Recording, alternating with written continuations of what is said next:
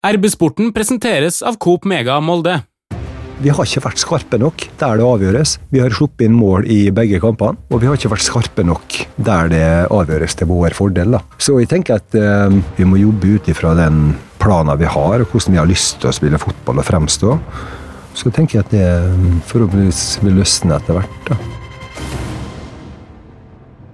Ja, hei og hjertelig velkommen til en ny episode av RB-sporten. Mitt navn er Martin Brøste, og i dag så sitter jeg her med sportsleder i Romsdals Bustikke Trond Hustad i æreslosjen på Aker stadion. Ja, det er en eh, fin plass å være, spesielt når det er sol på Molle, sånn som det er i dag. Men det var litt varmt inne her. Det var litt varmt inn inne her, det var det sikkert i går òg, regna jeg med. Det har nok vært eh, bra temperatur her tidligere, tenker jeg. Så gammel den stadion her er blitt nå, så 25 år, så har det nok vært mye temperatur oppe det rommet her. Ja, Stemmen som dere nå nettopp hørte, det er da Trond Strande, en ekte Molde-legende. Og du har jo vært oppe i æreslosjen mange ganger, Trond, har jeg hørt. Både i lystig lag og ikke så lystig lag, kanskje? Jeg har jo vært her i mer lystige lag enn ikke, ja. Det har nok vært uh, mye som har foregått her oppe. Det har vært noen fester oppe her. Det har vært, brukt har vært bra bra trøkk. Av og til kanskje mer trøkk her oppe enn hva det har vært ute på banen. Og det var, Vi må litt innom kampen mot uh, Rosenborg. Det var trøkk på banen der òg. Det blir skal vi si, bare 1-1. da. Det så så lyst ut uh, lenge. Molde som valsa over Rosenborg, leda 1-0, og så kom 1-1, og en andreomgang som dere ikke er like fornøyd med, Trond? Ja, Hvis vi begynner med førsteomgangen, så er vi tålelig godt fornøyd med, med den. Vi er det førende laget. Jeg syns vi har en god del fine kombinasjoner. Vi er fremoverretta. Det går til tider hurtig med oss. Vi, har, vi skaper sjanser.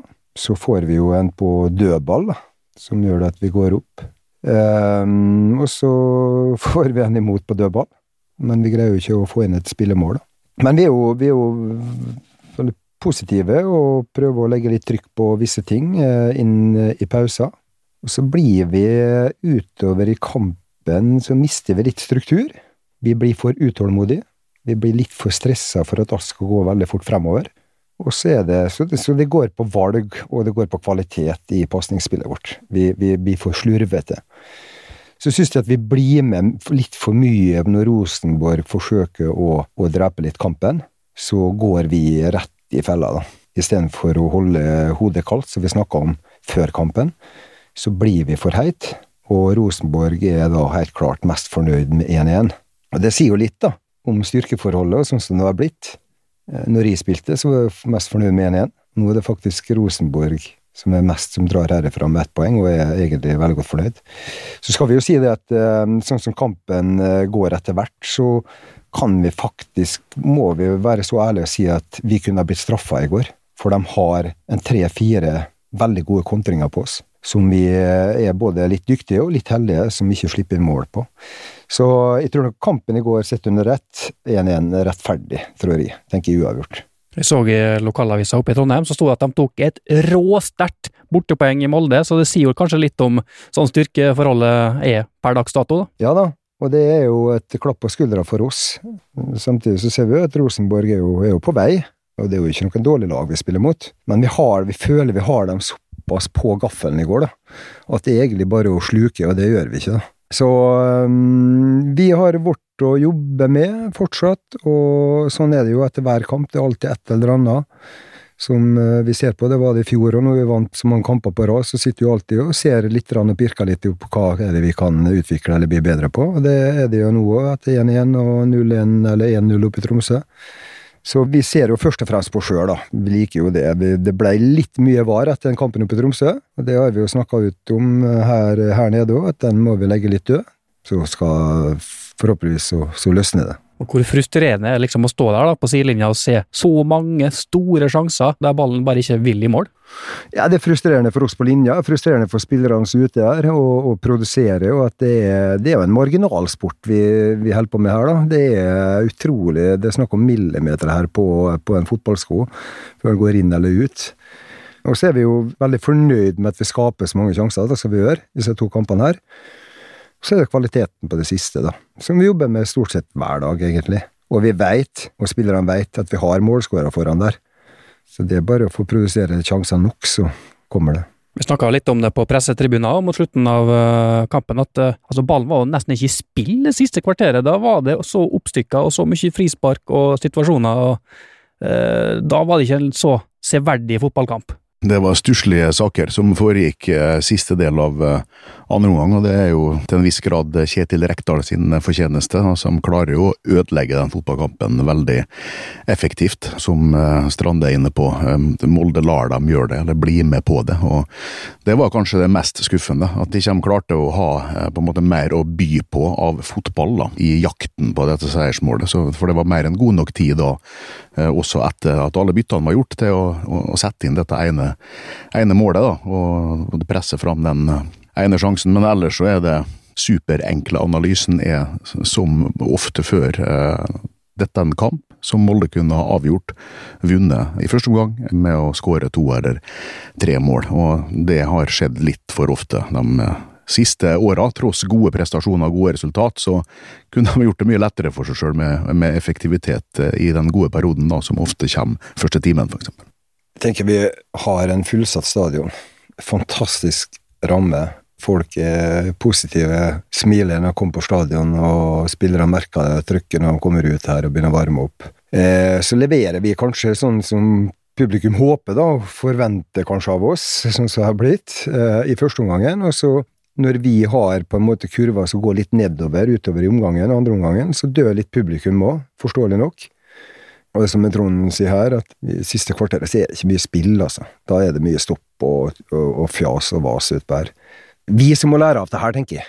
Så får heller Rosenborg være sånn neste gang vi møter dem, men da må vi ha lært, tenker jeg da. Så må du si litt om det grepet som dere har gjort nå i de to første kampene. Det har vært veldig mye snakk om denne, skal vi kalle det supertrioen på topp der, Brynildsen, Berisha og Eikrem, og nå har dere jo funnet plass til, til alle tre da, i de to første kampene her. Si litt om hvordan dere har tenkt der. Ja, vi har en veldig spillstyrke oppe. Uh, nå har vi hatt litt uh, Mangla litt på det siste, da, i de to første kampene her. Og det går jo på kollektivet òg, så mye som individet. Uh, og så er det jo sagt Det er jo ikke sagt det at vi kommer til å spille sånn i hver kamp. Det er det jo ikke. Vi kan gå tilbake og spille på en 3-5-2, den vi gjorde mest av i fjor. Så kan det være enkeltkamper vi kjører sånn som vi har gjort nå, men eh, det er jo ikke, er jo ikke veldig langt unna 3-5-2-en vi kjører, kjørte de to første kampene heller. For det er jo en av disse spissene som dropper ned i rommet, der vi har en naturlig indreløper i fjor. Så må vi gjøre stadig rokeringer, da. Så det er klart at det gjør noe med et lag. Altså Birk, sjuk, ikke sant, som har spilt stort sett alt på venstre stopper. Eh, vi har eh, Hagla, som har vært eh, ute med skade nå. Bjørnbakk, som fortsatt ikke er helt restituert, men nærmer seg. Så da må, velger vi å trekke en Emil ned som stopper. Så det er klart at de gjør noe med totalen, uten som en forklaring, da. Vi får se, men vi, det kan fort være at vi kjører med både rein to og rene indreløpere igjen. Og det, det, kan fort være. Så det er, vi, det er litt ut ifra hvordan motstand vi møter, da. Hjemme borte, kanskje, har litt å si. Ja mot sånne lavtliggende lag som Rosenborg, da kan dere kjøre litt uh, ekstra framover? Ja da, eh, men eh, nå er det jo ikke noe Nå har jo Rosenborg blitt sånn, og det kan jo være smart, selvfølgelig, det. altså det, å, det å komme hit på Aker Det har ikke vært lett for mange lag, det, å komme hit siste ja, nesten ti åra. Da er det vår oppgave å bryte ned sånne lag, og det er ikke enkelt, for de ligger ofte i 5-4-1 og kanskje har da ett ord på tavla før de går ut, det er kontringsfotball og hvordan de kan straffe oss når vi blir litt for håndmodige, sender opp litt for mye folk, er litt i ubalanse. Det er vi jo fullstendig klar over, og så må du satse litt for å vinne da. Og da må du av og til kanskje da rekke opp hånda og si at vi satsa litt for mye. Vi gikk på faktisk en smell. Men eh, vi er såpass eh, positivt anlagt nede på trenerkontoret at vi, vi, vi, forsøker å gå all in. Og så har du da selvfølgelig et motspill her. altså Vi skal ikke glemme det. Det er elleve stykker som er gode fotballspillere eliteseriespillere som kommer hit, og kanskje for å ødelegge vårt spill, og for å få kontring, eller å kjøre sitt eget opplegg og prøve å, å komme høyt på oss. Så det er klart at du må forholde deg til dette her, både eget spill og motspillet.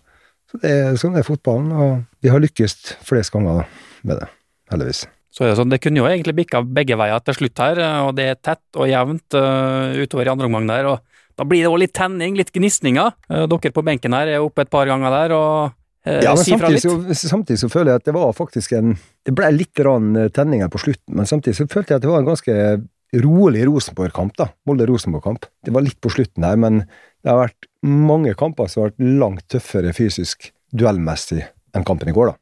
Så vi mangler jo, mangler jo litt energi da på, utover i andre omgang, spesielt kanskje siste halvtimen. da. Kommer ikke nært nok, kommer ikke opp i duellene tett nok. Vi vinner heller ikke den matchen, da.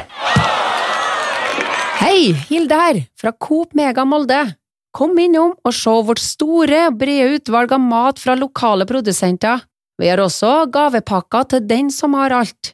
Velkommen til Coop Mega Molde! Det har vært enda mer tenning på disse kampene her før, kanskje, og du har jo uh, sett litt på dette. Altså, når uh, Trond spilte sjøl, så uh, gikk det ei kule varmt. Ja, Strande var ofte involvert, han, når det var tenning i, i gamle dager. Og apropos Rosenborg, så, så er et par av de mest minneverdige øyeblikkene der. Noen av de beste strupetakene har jo skjedd nettopp mot RBK. Så jeg vet ikke om du kan ta oss gjennom Først eh, Asar Karadas, Molde-Rosenborg i 2003 ute på eh, Aker stadion her. Det er rart, det er rart med det, men eh, det er klart, alle, alle disse guttene her er jo, det er jo fine gutter, da. Utenom, utenom banen, jeg tenkte å si. Men det er klart, det skjer jo noe der, da. Molde-Rosenborg spilte mye folk. Som sagt, tøffe dueller. Første kampene her var jo, var jo på gress. Var kanskje enda mer naturlig med litt eh, slåssing. Ballen spratt litt overalt teknikken eh, var ikke helt på lag alltid. så det har heldigvis gått fremover der. Vi sleit, både, og da, måtte vi, da var det fysisk igjen. Når vi, ikke hadde, vi var dårlige på valg og dårlige på teknikk. Da var det fysisk igjen. Da var det buksehanskene vi sto igjen med. Så vi, vi, hadde jo noen dueller der, ja, med, med Aser selvfølgelig, og, han er en stor, sterk uh, bjønne uten like, ikke sant, og det, den kampen den Trond sikta til, er jo Der ble jo Aser Fikk jo han rødkortet, vi skulle hatt rødt begge, selvfølgelig, men jeg, jeg greide, jeg var kanskje litt smartere, da. Han var liksom sint hele tida, jeg greide lite sekunder når dommeren begynte å se på meg og prøve å være litt mildere, da, så jeg fikk gult, Aser ut.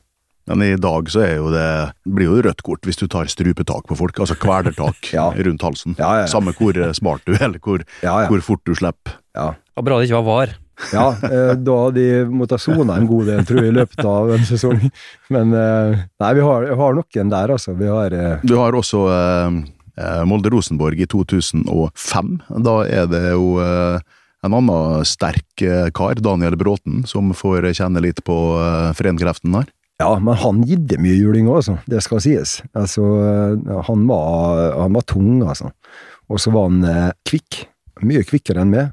Så jeg var da selvfølgelig litt for seint ute, litt for ofte. Da ble det gjerne enten strupetak, eller så ble det, ble det takling i knehøgde. Men fotene vokser ut igjen. Der ble det gult på begge to, i den uh, situasjonen der. Og så, Du har jo vært en tøffing, uh, Strande, men det er ikke ofte du har fått rødt kort. Men du har fått et rødt kort på det stadionanlegget vi, vi sitter på nå, og det var mot Moss i uh, 2001. Ja, ja. Gard Kristiansen, tror det var han. Da var det bare slag, da. Det er klart, det hadde jo gitt, hadde skjedd borti Storgata her, så hadde du fått tre, tre uker i Kakotten, tenker jeg, hvis det hadde skjedd. For det er klart at det var, det var lyste vel rødt ut av den. Fortjente den det, da? Ja, det gjorde han helt sikkert. men eh, jeg har faktisk Jeg har ikke mange kampene jeg har spilt mot Moss, men jeg, mm, jeg, har fått to røde kort mot Moss, faktisk. På Meløs og på Aker stadion. Men det var vel sånn at det ene røde kortet ble jo, det var jo da feilaktig? Ja, så den fikk jeg, men eh, laget måtte jo spille med en mann mindre da, i den kampen. Men de fikk gjort om etterpå, da, for dette sånn og sånn.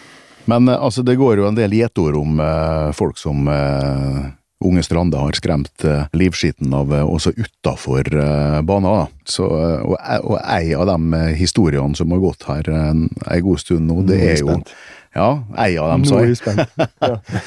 er jo at du også har løfta opp assistenttrener Richard Hartis, som Ole Gunnar Solskjær hadde med seg hit fra Manchester United, inne i gymmen her en gang, og virkelig fortalte han hvem det var som bestemte på Aker stadion. Ja, det er stolt folkeslag engelskmenn nå, ikke sant? Jeg skal ikke si mye feil der. Og så er det klart at eh, hvis du sier noe som man føler at det andre skal høre, så, så er ikke det bra. Men det var jo en episode her nede i gymmen, jeg holdt på å trene i, i gymmen her, og så etter annet meldinger så ble jeg slengt da, til en Hartis når han gikk forbi, og så slengte han noe, og så kom han plutselig etter meg, da. Og da reiste jeg meg opp, og så Det var en blanding av både engelsk og fransk og alt mulig, tror jeg. Og da fortalte han hvordan det var det her. Jeg hadde vært her i 30 år, og han måtte ikke komme her og, og trodde at det var bare å komme inn og stille meg til veggs, da. Så da ble det nesten ei kaule. Så gikk vi bare. Så kom han fem minutter etterpå og henta meg og ba om unnskyldning og greier. Så det er jo godt vær, da. Ja, dæven, da så jeg Da var han, eh, da var han rød i, i skiva, gutt, han kom og skulle prøve å ta med. Men det ordna seg. Vi må jo innom dette jubileet, da. Aker stadion som, eh, som fyller 25 år, vel, nå. Det var åpningskamp 18. april 1998 mot Lillestrøm. Og du, Trond, du har jo hatt dette her som arbeidsplass i, i 25 egentlig? Som hjem, ja. Jeg har tilbringt mange helger her. Ja da, det har vært fantastisk. Eh, 25 år, og mm, vi tenker jo bare på den eh, gaven vi fikk, og den plasseringa ble. Hvor, hvor, godt traff dem, altså. altså. Det er nesten utrolig når du ser det nå i ettertid her. Jeg har jo vært på stort sett, jeg har vært på alle stadioner i hele Norge, og plasseringa på Aker stadion Det var jo diskutert litt, det òg, hvor den skulle ligge hen. Men det å treffe så godt, og det å kunne forutse at dette her i alle år skulle bli en helt topp plassering på en stadion. Så det, det er jo ingen som kan måle seg i Norge med plasseringa på Aker stadion, altså andre anlegg da rundt om. Så det har vært eh, fantastisk, og jeg har vært heldig, kjempeprivilegert som har fått eh, hatt det her som, som arbeidsplass i, som spiller og trener i, i 25 år. Så det har vært mange som har eh, hjulpet meg frem til at jeg kunne hatt en sånn arbeidsplass i 25 år. Det, det, er klart det, det, er spesielt. Men uh, tida går, og vi ser jo stort sett bare fremover, da, før vi skal ha litt tilbakeblikk i, i, dag. Når du sier at det er mange som har hjulpet deg frem til der du er i, i dag, sikta du til enkeltpersoner da, eller? Jeg må jo nevne kona mi, Kari Sissel, som har vært hatt tålmodigheten til at de har fått jobba med dette her i, i så mange år. og hun har jo vært hjemme med små barn hver helg, nesten, og alene. Vi er annenhver helg borte. Jeg er jo evig takknemlig for det, og skylder hun hele veien en stor takk for den uh, innsatsen hun har lagt ned. Den har vært mye større enn den jeg har lagt ned, så det er klart, hun fortjener jo den største kreden for at de kunne fått holdt på med dette her. så tenker jo på lagkamerater, selvfølgelig, og som vi spilte sammen med. Jeg tenker på, på trenere som vi har fått uh, eh, forlenga kontraktene med. De har sett uh, verdien vi har med her. Det er jo gjerne sånn at en hovedtrener han sitter jo med det siste ordet da, på hva er som skal få forlenga kontrakter, og om spilleren har lyst sjøl.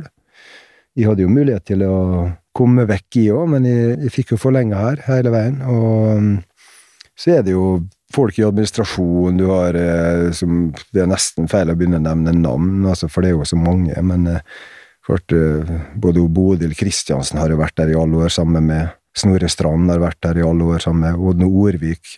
Fantastiske folk, hele gjengen, ikke sant. Så det er mange som jeg jo nå glemmer mange år, selvfølgelig. Eller ikke glemmer dem, men jeg kan ikke remse opp alle. Ja, det har vært en fin reise.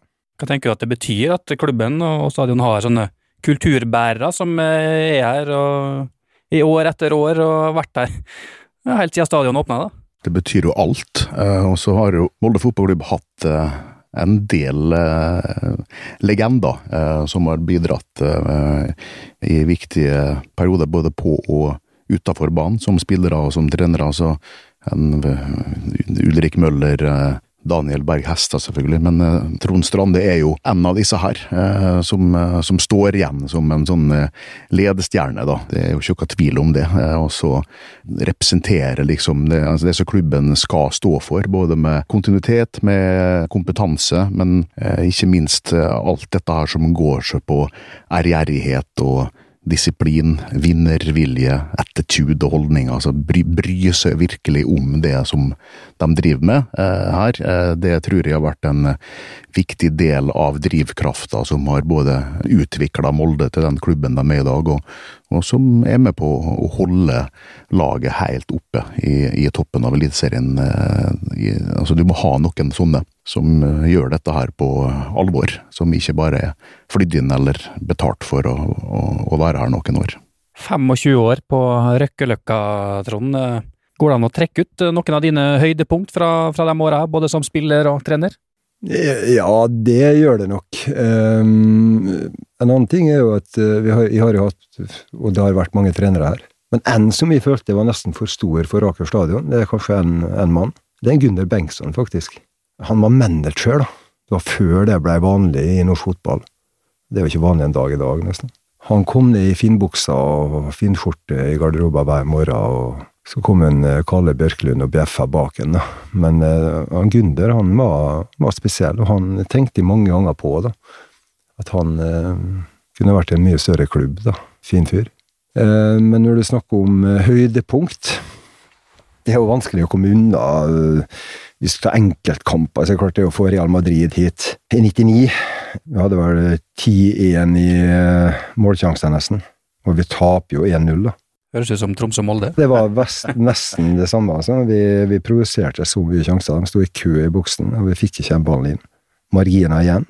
Og litt kvalitet, selvfølgelig. Og så tror jeg det var en Karambø som skåra uh, målet som slukte oss. Og det er klart at det du hadde noen gode spillere på Real den tida, der, altså med Rondondo og Goti og Salgado og McManaman og hele bunchen der. Så det var jo selvfølgelig stort. Og det er jo klart, det er jo det vi jobber med da, for å få salagene hit igjen. da. Nå har vi jo Champions League-kvaliken i år. Og det er, jo, det er, jo, det vi jobber for. Det er jo det som er artig oppi dette her, da, at du får sånne muligheter til å kunne kvalifisere og spille mot sånne store. Og så har du jo selvfølgelig noen trappetrinn under her, som er Europaligaen og Conference League. da. Så alle ligaer her er bra for oss å komme inn i. Du vil jo gjerne opp i det, det, beste selskapet, selvfølgelig. Du vil jo ikke sikte på Du vil jo inn i stua, du vil ikke sitte på kjøkkenet når det er fest.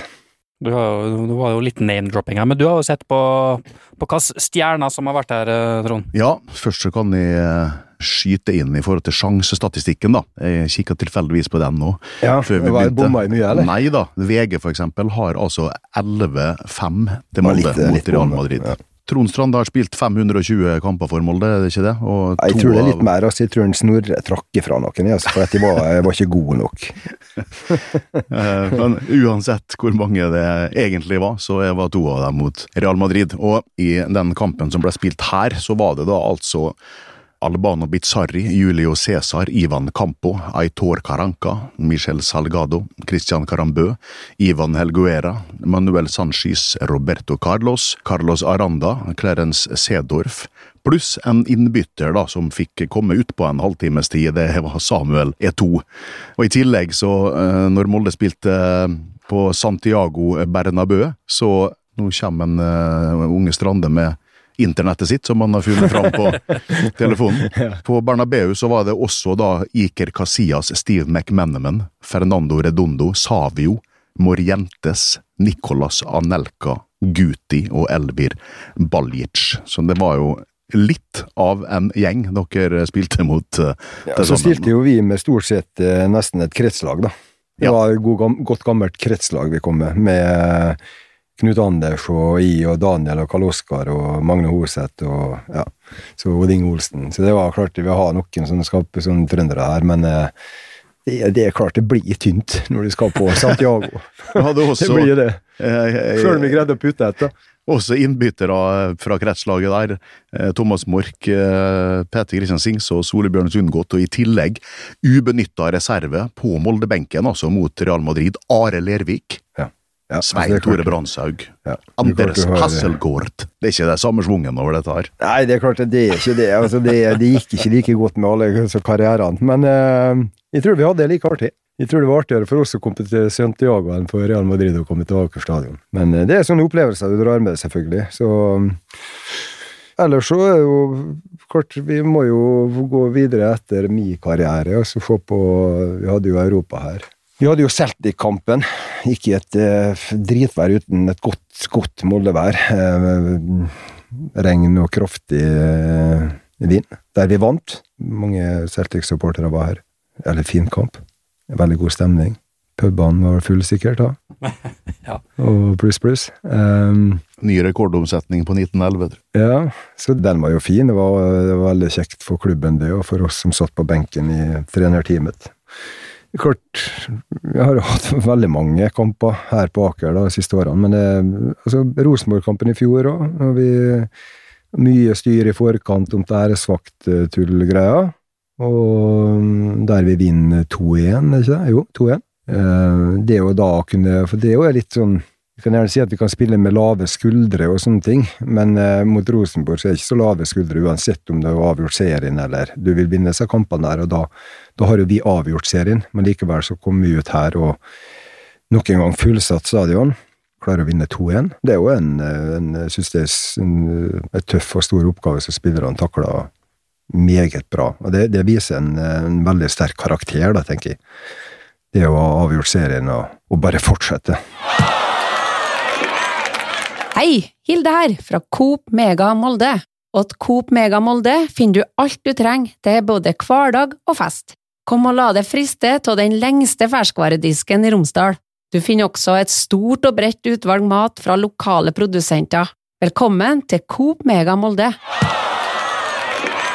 Så har det vært noen nedturer òg, noen tap innimellom. og Vi snakka litt om det før vi begynte episoden, men da kanskje én kamp, som er eh, den playoff-kampen mot Partisan, som står igjen som kanskje den største, eller? Altså, den er sånn personlig for meg, da, som satt på benken der da, som en av trenerne. Og, og det at vi har egentlig vi har egentlig Partisan i vår hule hånd, egentlig.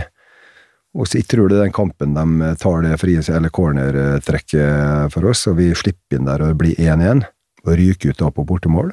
Den er seig den er tung. For jeg, tror, jeg lurer på om det var på en torsdag, og jeg tror faktisk, om jeg husker rett, om vi skal til Mjøndalen helga etterpå. Det å bruke så mye tid da for å få opp igjen spillerne, for de var så skuffa da. De var så skuffa på at det her røk, for de følte de hadde det.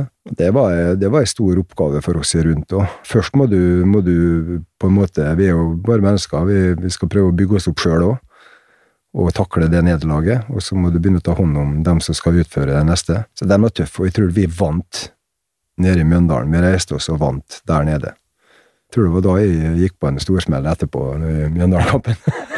Havna i ambulanse, tror jeg. Jeg tror jeg var helt utkjørt.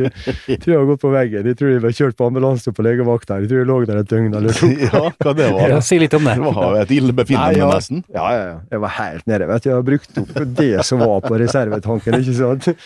Jeg tror det var en sånn eh, Jeg tror vi for eh, Det var på en uh, søndag jeg kom hjem fra Mjøndalen. Jeg og kona mi vi kjørte til Oslo et eller annet på mandag. Jeg tror vi hadde fri eller noe. Og kom hjem derifra, så kjente jeg var ikke helt bra når jeg parkerte hjemme. da, hadde, da kom det over med, ja. Så da hadde jeg gått på en skikkelig smell. Og det var selvfølgelig et stort nederlag. Men Så da var jeg rett i ambulanse og ned på Men det gikk fint, det ja. òg. ikke bra for imagen, Strande, at du blir henta med Nei, sjukebil. ikke Altså. fikk ta bilde av det, nei. Men det var faktisk noen som hadde tatt bilde av det. Men vi husker at de ringte deg og snakka om dette her. Og du, var du ga klar beskjed om at hvis de trykte ta bilde her, så kommer jeg aldri mer til å få snakke med deg igjen. Nei da, det har vært eh, det, det var Så det er klart at det er påkjenning. Altså, det er jo, det, er jo et yrke, dette her òg. Altså, det, er jo- det er jo tøft. Altså, vi er sammen utrolig mye, da. Eh, Vi snakker om 25 her på, på Aker stadion. Altså, det er klart, eh, vi i trenerteamet og vi må ha god kjemi, vi òg. Vi, vi ligger mye oppi rumpa til hverandre, jeg tenkte å si, på hotellrommet rundt om. Og, og det er klart vi skal ha en god tone. Ja, Var det god tone når du tok med Erik Mæland på kjøretur eh, tidlig på året her, da? Vi har jo hørt hans versjon av dette, men vi har ikke hørt du eh, Ja, den riktige versjonen er jo at det var Mæland som kjørte. at det var jeg som satt på. Og han eh, hadde ikke kjørt eh, Peugeot før. Han kjørte rundt opp i Nordbyen, rett i snøskammeren. Nei da, det var jeg som kjørte. Men det Det stemmer at du prøvde å løfte ut bilen igjen på veien? Prøvde å løfte den ut, men det er klart at når det begynner å bli en borti et par tonn, så Da måtte til og med du i Nei, men det, ordner seg, det. Det er ikke så tunge vekter borti eh, hjørnet på Bris at du har øvd på å løfte to Nei, tonn før. det, Trond. Nei, men det må du kan du si litt om. eh, Altså, du er jo i eh, relativt god fysisk form til å være eh, en avdanka spiller, en fotballtrener. Ja, men det har vært litt sånn. Ja, vi er jo så forskjellige laga, alle oss individer. så Det er jo enkelte som liker å gå på fjellet og, og legge ut bilder hver gang at de er på fjellet. Selvfølgelig liker at de får har likes. Eh, og så er det noen som liker å gå på helsestudio. Og så er det noen som liker å gå på ski. Så vi er så forskjellige. Jeg, jeg holder på med mitt og syns det er kjekt. Og så det er det det, det er, da. Altså det å ha det, ha det bra, da ha det kjekt, og det å få trene litt og få holde seg litt i form, og kanskje få ut litt frustrasjon i dem Det er når du har spilt eh, kamper der du føler at eh, vi trenerne ikke gjorde en god nok jobb. Sant? For det er jo ikke bare spillerne her, er det er jo taktiske ting fra benk som vi bommer på av og til. Da få komme seg ned i gymmen og flytte litt der nede, så romstere litt der alene, det kan være bra med litt dårlig musikk på. Når du ikke har en karer da, som Daniel Bråten til å Ja. Da må du bruke benkpress og Ja da, men det er fin eh, avkobling, det, å komme der med litt eh, hellbillies. Skulle til å spørre hva er det du har på øret, men eh, nå sa du det. Nei, det er alt mulig. Vi kan høre på opera. Ikke noe særlig hardrock, der, er- der er jeg dårlig på. Men eh, ellers kan jeg høre på alt mulig. Men eh, møter jo også... Men jeg synger ikke sjøl. møter av og til en Knut Anders Fostervold der borte på Bris, hvis han skal inn og ha en spinningtime og ta bilder av seg sjøl og legge ut. eh. Ja. Men Nei, han altså, sier er det så forskjellig. Han Knut Anders Har du er sett en Strande her nå, sin? vet. Hvor Strande er han? Er borti den der eh, kroken sin med seg vektene, og så sier han han må begynne å trene bein, vet du, sånn at han, når han blir gammel, Ja, så klarer han å bære denne enorme overkroppen Ja, sin. kan fort. kontre og si at han begynner å trene, trene armer, for du ser nå bare skjorta. Så armene hans kaster jo ikke skygge engang. Han er jo så tynn ut. Nei da, men det, det, det er så forskjellig. Vi, vi må finne det noe når vi begynner å bli så gamle som oss og sånn. Og dette her, for meg så har jo dette nokså hengt hengt sammen med at de har heng, Eller hengt sammen med at de har alltid vært vant til å være glad i å, å trene, og så trenger ikke det å være så lange økter. Det kan være en halvtime, det kan være en time, det kan være en og en halv. altså Bare lite grann. Og så er det ikke verre enn at de kan ta en dag fri, og hvis det er det. Det er ikke noe sånn at de er nødt til å være hver dag. Vært her i mange år, eh, Trond. Eh, Første A-lagskampen var i I 90-91, eller noe sånt? Ja, ja noe sånt. Kanskje vi spilte en cupkamp eller noe 90, jeg vet ikke. Debuten er er nok i, eh, tidlig i Eh, sesongen, i serien. 91, i serien. Men jeg lurer på faktisk om vi kunne ha spilt en cupkamp eller noe 90. Jeg vet ikke. Er det sånn at du bare skal signere livstidskontrakt med MFK, eller tenker du at det har vært artig å kanskje prøve seg en annen plass enn Aker stadion? Ja, jeg er ikke fremmed for det, å prøve med andre plasser. Vi sitter jo og snakker om det av og til på trenerkontoret. Jeg må innrømme det, at vi droller litt rundt um, både nåtid og fremtid. Vi har vært privilegerte som har fått vært her i, i en Erling seg i von Per Magne seg i 15, vi tre. Så er det klart at vi åtte år i en toppklubb som Molde, mm, med det teamet her, så vi sitter jo vel snart i den elektriske stolen, så Det, blir jo snart grilla. Men eh, vi har gjort det bra, så får vi jo se hvordan det, hvordan det blir fremover. Men eh, tilbake til det du spurte om, da. Det var å prøve seg andre plasser, selvfølgelig. Det, det tror jeg alle oss her ser på som en fin eh, kanskje opplevelse og mulighet. da. Og ikke minst at du kanskje har noe der å gjøre. Og så spørs det jo hva som kan dukke opp, da, selvfølgelig. Timing er jo mye, mye å si da, dette her yrket her, da. Det er i forhold til eh, hva kan du påvirke når du kommer inn i en ny klubb med spillelogistikk, og hvordan økonomien i klubbene du kommer til, og det er mye å ta hensyn til. Så vi får se, vi får se. Vi trives godt her uh, nå, og vi har ei fantastisk spillergruppe som ser på som må utvikle seg videre, og sammen med oss, og vi kan utvikle oss på benken, og ja, så vi får se hvor det bærer hen. Men du sier vi, er det sånn at dere er liksom ei pakke nå, du og Erling og Per Magne, at dere er Ja, men det kan jo fort skje. Altså, det vet vi jo ikke. De bruker jo det. Uh, skal faen en Erling få være assistent, i hvert fall. Nei da, men, eh, men det, det kan det være. Det kan være at du er ute og flyr uh, alene òg, selvfølgelig. Det kan hende du blir med et annet team, eller du kan ta over en klubb, og så vil du danne et eget team. altså. så så det, det vet vi jo ikke. Det er åpent. eh, Det er klart, vi, vi er jo passert 50 med noen år, da. Men samtidig så er det forholdsvis ungt i treneryrket. og Så sier de vel det at du skal ha sparken en gang eller to før du kan kalle deg trener. da. Så det har vi vel ikke fått noen av så vi kan vel ikke kalle oss trenere. Hvis det er noen i Molde fotballklubb som får sparken, så er det hovedtreneren, og da er det jo ofte assistenten som eh, tar over, altså. Ja, eller ryk. Sammen med hovedtreneren. Nei da, vi tenker ikke sånn. Vi, vi er positivt anlagt nede på trenerkontoret, og vi tar imot innspill, og vi ser på utviklingsmuligheter, og vi føler sjøl at vi er en åpen klubb. Folk kan komme inn dørene, og som en husker skrev i avisa her, ta seg en eh, kaffekopp, diskutere fotball, om det er med spillere eller med trenere. Det er bare å komme, så lenge det er konstruktivt.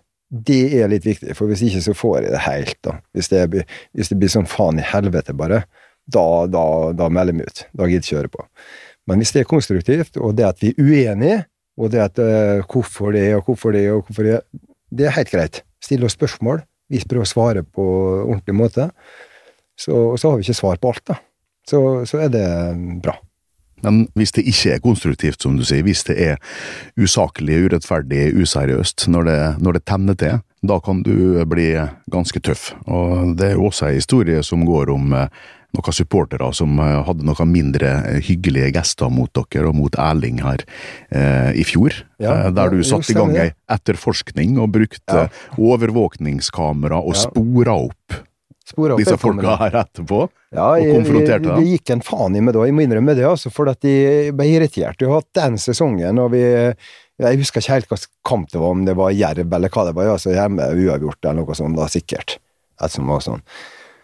Og så snur vi oss, og så ser jeg at en fyr står og retter fingeren ned til en Erling når han går på vei fra benken. Skuffa. Han over seg sjøl, over oss i teamet, over laget, så alle føler på skuffelsen. Så jeg henger den da, over gelenderet med finger. Så, altså voksne folk. Det var en voksen mann, mye eldre enn oss, som gjør det. Altså Da tenker jeg, hva er det som skjer? Hva er det som skjer med folk? Jeg skjønner frustrasjonen at det føles i en fotballkamp. Men altså, hvis, på, hvis jeg hadde skulle gått på Aker stadion, og brukt tida mi da etter kamp Ja, jeg skuffa jeg òg, som supporter, selvfølgelig, men det å begynne å rette finger voksne folk, det gjør det ikke. Så da tok jeg og satte i gang det apparatet jeg har rundt meg, og gikk opp på sikkerhetsrommet og, og begynte sjøl og satt og så på video av kampen, og helt til jeg fant ut hvilken fyr det var. Så fikk vi nå heldigvis en ny hjemmekamp, og fyren kom jo på kamp. Samme mann, I samme jakka. I samme jakka. Det er klart at det, det gjør du ikke uten at du blir konfrontert. Nei, så da, da sprang jeg opp med fotballsko eh, etter kampen. Jeg lurte på om det var, det var rett vedkommende. Så det ble eh, Jeg, jeg var, jeg var ordentlig, altså. Det var ikke noe fjas med meg, nei. Men det er klart at det, er klart, jeg, jeg kan meg kanskje ikke Jeg hadde slitt bort i, i Premier League hvis du skulle begynne å springe opp til hver enkelt. Jeg ser den, men det var, det var sikkert en frustrasjon med meg og da, så der og da, som gjorde at jeg tok den situasjonen. Det er eneste gangen, da. Så eh, Hva sa du til henne? sånn Hva sa du til henne?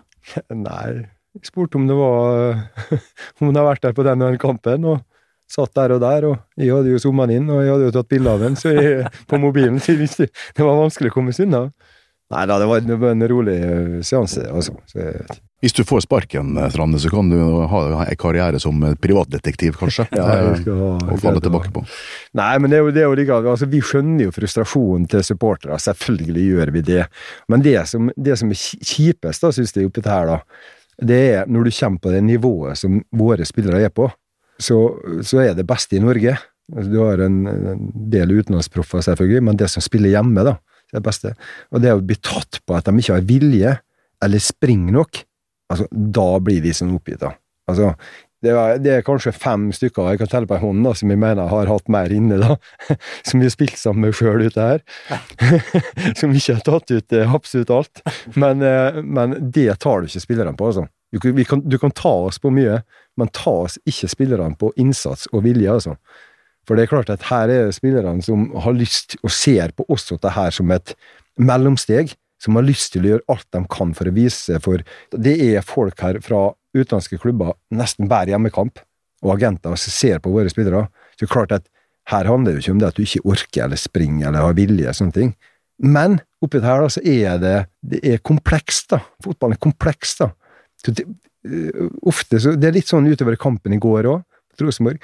Altså at du ser tyngre ut, ting stemmer ikke. ikke sant? Pasningene stemmer ikke helt. Folk ser nesten automatisk tyngre ut i beina, ikke sant? for det stemmer ikke helt. Så den rytma du ikke Urytma du kommer inn i, da. Men ta ikke spillerne på det, altså. Når du skriver inn på baksida på RBH, og, du, og du ikke er tøff nok til å kunne skrive navnet ditt, det står bare 'hilsen frustrert', da er, det er ikke godt nok, altså. Da, da blir det sånn usaklig for meg, da, hvis du går på den der klassiske overbetalte, giddeløse fotballspilleren som bare hever lønn, som du henter inn hit for den summen. Hallo. Men folk tør jo ikke skrive navnet sitt, for de er jo redd for at du skal komme og ringe på. Nei, men det, På altså, det, da kunne jeg ha fått navnet på han da, til å invitert ned på stadion, så jeg har fått en prat med så vi har Tatt oss en kaffe, en hyggelig greie. Gi den et lite kakestykke og slapp av. Tatt hånda rundt den. Forklart den litt om det her. da. Men du som nå er etterforsker, du, kan jo, du greier vel å finne ut hvem frustrert er du? Det hadde jeg skulle gjort. Eh, Jeg sitter jo med to fra Bustika her, så dere Det er Taushetsplikt. Ja, det var det. Nei da, men eh, ikke, ikke ta oss på det, i hvert fall. Ta oss på alt annet, men ikke, på, ikke, ikke ta spillerne på innsats og vilje. Hei sann! Her er jo Hilde fra Coop Mega Molde. Kom innom og la deg friste av den lengste ferskvaredisken i Romsdal. Velkommen til Coop Mega Molde. Eh, Vi skal se litt grann framover òg, det er jo ikke så lenge til neste kamp. Ett poeng nå på de to første kampene, Trond. Er det litt dårlig betalt, eller med tanke på spill og sjanser og sånn, eller? Jo, hvis vi ser eh, sånn på det, så får du ofte som fortjent, da, på et vis, i fotballen òg. Vi har ikke vært skarpe nok der det avgjøres. Vi har sluppet inn mål i begge kampene, og vi har ikke vært skarpe nok der det avgjøres til vår fordel. da. Så jeg tenker at eh, det er vi nødt til å rette på, og ikke finne på noe. Vi finner ikke på noe unnskyldning overfor spillerne, og vi er sjølkritiske sjøl. Jeg tenker at vi, vi må jobbe ut ifra den planen vi har, og hvordan vi har lyst til å spille fotball og fremstå. Så tenker jeg at det forhåpentligvis vil løsne etter hvert. da. Løsne kanskje før du får sparken. Nei da. Lillestrøm da, på søndag kvart over sju, tror jeg. Det er hovedkamp, det, tror jeg. Det er avspark. Det var kjekt der i fjor. Ja, øh, var det den kampen Etsa som avgjorde på overtid? Ja. ja, det var veldig Det var en intens kamp, det òg. Det lå jo hele tida i lufta her vi kunne avgjøre det hvis om og men. Det gjorde vi jo. Eh, Så veit vi at historisk sett så er det jævlig tøffe kamper på Åråsen, for det er en intim stadion. Mye folk. Og et eh, alltid et ganske sånn kraftfullt Lillestrøm-lag. Og alltid, det var noe ispilt der òg, og, og det har egentlig bare fortsatt. Så det blir nok en spennende kamp for oss. Martin Ove Roseth, Ruben Gabrielsen, Tobias Svendsen. Dette er jo gutta du kjenner. Ja. Og da veit du vel svakhetene deres òg? Ja da, både styrker og svakheter kjenner vi godt til. Så skal vi jo se litt mer på dem eh, utover uka nå. Nå har vel Lillestrøm en eh, hengekamp eh, på onsdag mot Godset. Så de får jo to på rappen her. Så de har vel tre av dem da på ei uke nå. Eh, så får vi se litt på hvordan vi skal angripe den kampen, da, og hvilke muligheter som ligger der, og, og hva vi må være litt eh, forsiktige med, kanskje. Eh, Men eh, de spillerne du nevner, med Tobias og Ruben og Martin Ove, har jo alle vært gode Molde-spillere, da. Først og fremst. Ruben har jo vært der lenge og vært eh, fantastisk. Martin Ove kommer kom vel ikke ut i full blomst, men nå har han fått en ny mulighet. Tobias har vært, og er talentfull, vært i ikke, jeg er ikke hvor gammel han er, Tobias. Jeg er 99, er 23 år. Han har vært talentfull i 20 i hvert fall. Så han er fortsatt det, og har masse, masse gode sider av seg som fotballspiller, Tobias. Jeg, jeg elsker typen Tobias. God med, veldig god med kula. Og, og kom inn mot oss for lurer på to år siden, eller noe sånt. Da snudde kampen til Lillestrøm sin fordel. Um, da var han veldig god mot oss på Åråsen. Veldig god.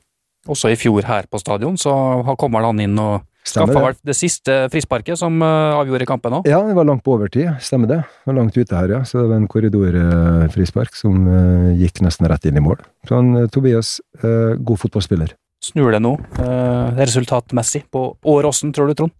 Det er jo uh, like vanskelig å gjette, synes jeg, som uh, de fleste andre kampene i Eliteserien. da. Det er jo, eh, skal vi si heldigvis, eh, bortsett fra en periode i fjor, når Molde var så suveren som det nesten ikke har skjedd før i, i norsk eh, fotball sin historie, så er det vanskelig og åpent. Og ja, det bør jo snu, det er jo det første, eh, sånn at eh, eh, Strande og Mo og co. skal slippe å få eh, mye mas og, og, og, og gnål rundt prosjektet sitt, for det kommer selvfølgelig etter et eventuelt tap mot eh, Lillestrøm nå, så blir det jo kok eh, blant supportere og, og så videre, eh, og og også i media. Eh, Sånn er jo dette gamet her.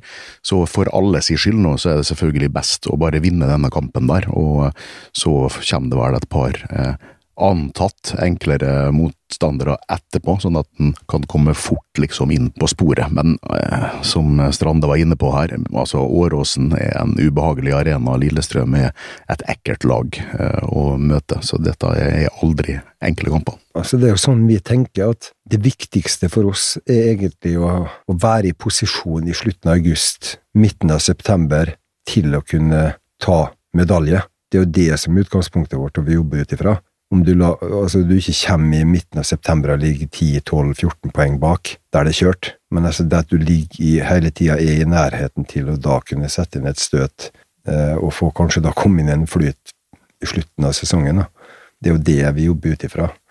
Om vi ligger på andre, tredje eller fjerde i slutten av juni, spiller ingen rolle, så lenge du ikke er et hav bak med poeng. Så for oss eh, handler det om å være oppe og være i nærheten der, og som Trond sier, det er klart vi vi legger jo en plan på hvordan vi har tenkt å håndtere dette her fremover, da, i forhold til Lillestrøm, om det er Stabæk neste hjemme, og så ja, i hele tatt. Så um, får se hva vi drar opp av eh, hatten på søndag.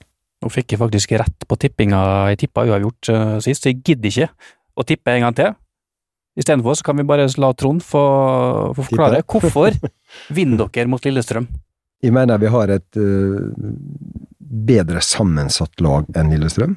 Men du er nødt til å ha dagen. altså Vi er nødt til å ha en forbedra kvalitet gjennom 90 minutter enn hva vi har hatt tidligere. Så hvis du greier å få til alle disse komponentene her, da, sammen, så, så slår vi Lillestrøm på søndag. Som sagt, tidligere på uka. Vi skal sette oss ned og se mye på Lillestrøm nå, og analysere dem opp i mente. Bruker mye tid på det, og så mye tid på oss sjøl, ikke minst. Det har vi gjort i dag. Vi har gått gjennom Rosenborg-kampen på, vår formiddag. Satt og så på den i går kveld etter kampen vår. Det går mye tid på sånne analysegreier, da, se hva vi kan bruke på. Så kan vi ikke ta alt, da. Du må ta ut noen da, ting som du ser som vi kan bli klart bedre på. Så blir det spennende å se. De Lillestrøm som sagt skal ut en kamp på onsdagen hjemme. Tøff, tøffe matcher hele veien. Altså, det er det jo. Du ser drar opp til Tromsø, taper 1-0. Sånn er det i norsk fotball. Sånn, altså, det er ikke noe spesielt. Altså, det, sånn er det i alle ligaer de beste lagene kan tape for lag langt ned på tabellen. som skjer av og til. og Det er det, det å komme inn i den flyten, ta igjen med poeng, som vi snakka om tidligere her, det som er viktig. Så går det jo eh, mye tid til analyse, selvfølgelig. Når du både skal se gjennom deres egen kamp og overvåkningsbildene fra stadion i tillegg, da, så blir, blir det noen ja, timer. Det er klart, klart, det er enklere når det er bare noen få tusen der, for da er det ikke så mange å se på. Nei da, det er en enkeltepisode. Skjer ikke igjen. Jeg skal ikke tippe, men eh, jeg er ganske sikker på at eh, MFK også eh, på Åråsen kommer til å skape nok og store nok sjanser til å både skåre og, og vinne den kampen. Men som mot Real Madrid, for eksempel, hjelper ikke å vinne sjansestatistikken 10-1 eller 11-5 hvis du taper kampen 0-1. Nå hadde jeg tenkt å komme med en kommentar, men jeg, jeg skal ikke gjøre det. Den er for stygg. Trond og Trond, takk for at dere har vært med i dag. Det var hyggelig. Det var Takk hyggelig. for det. Til det som uh, lytta på, tusen takk.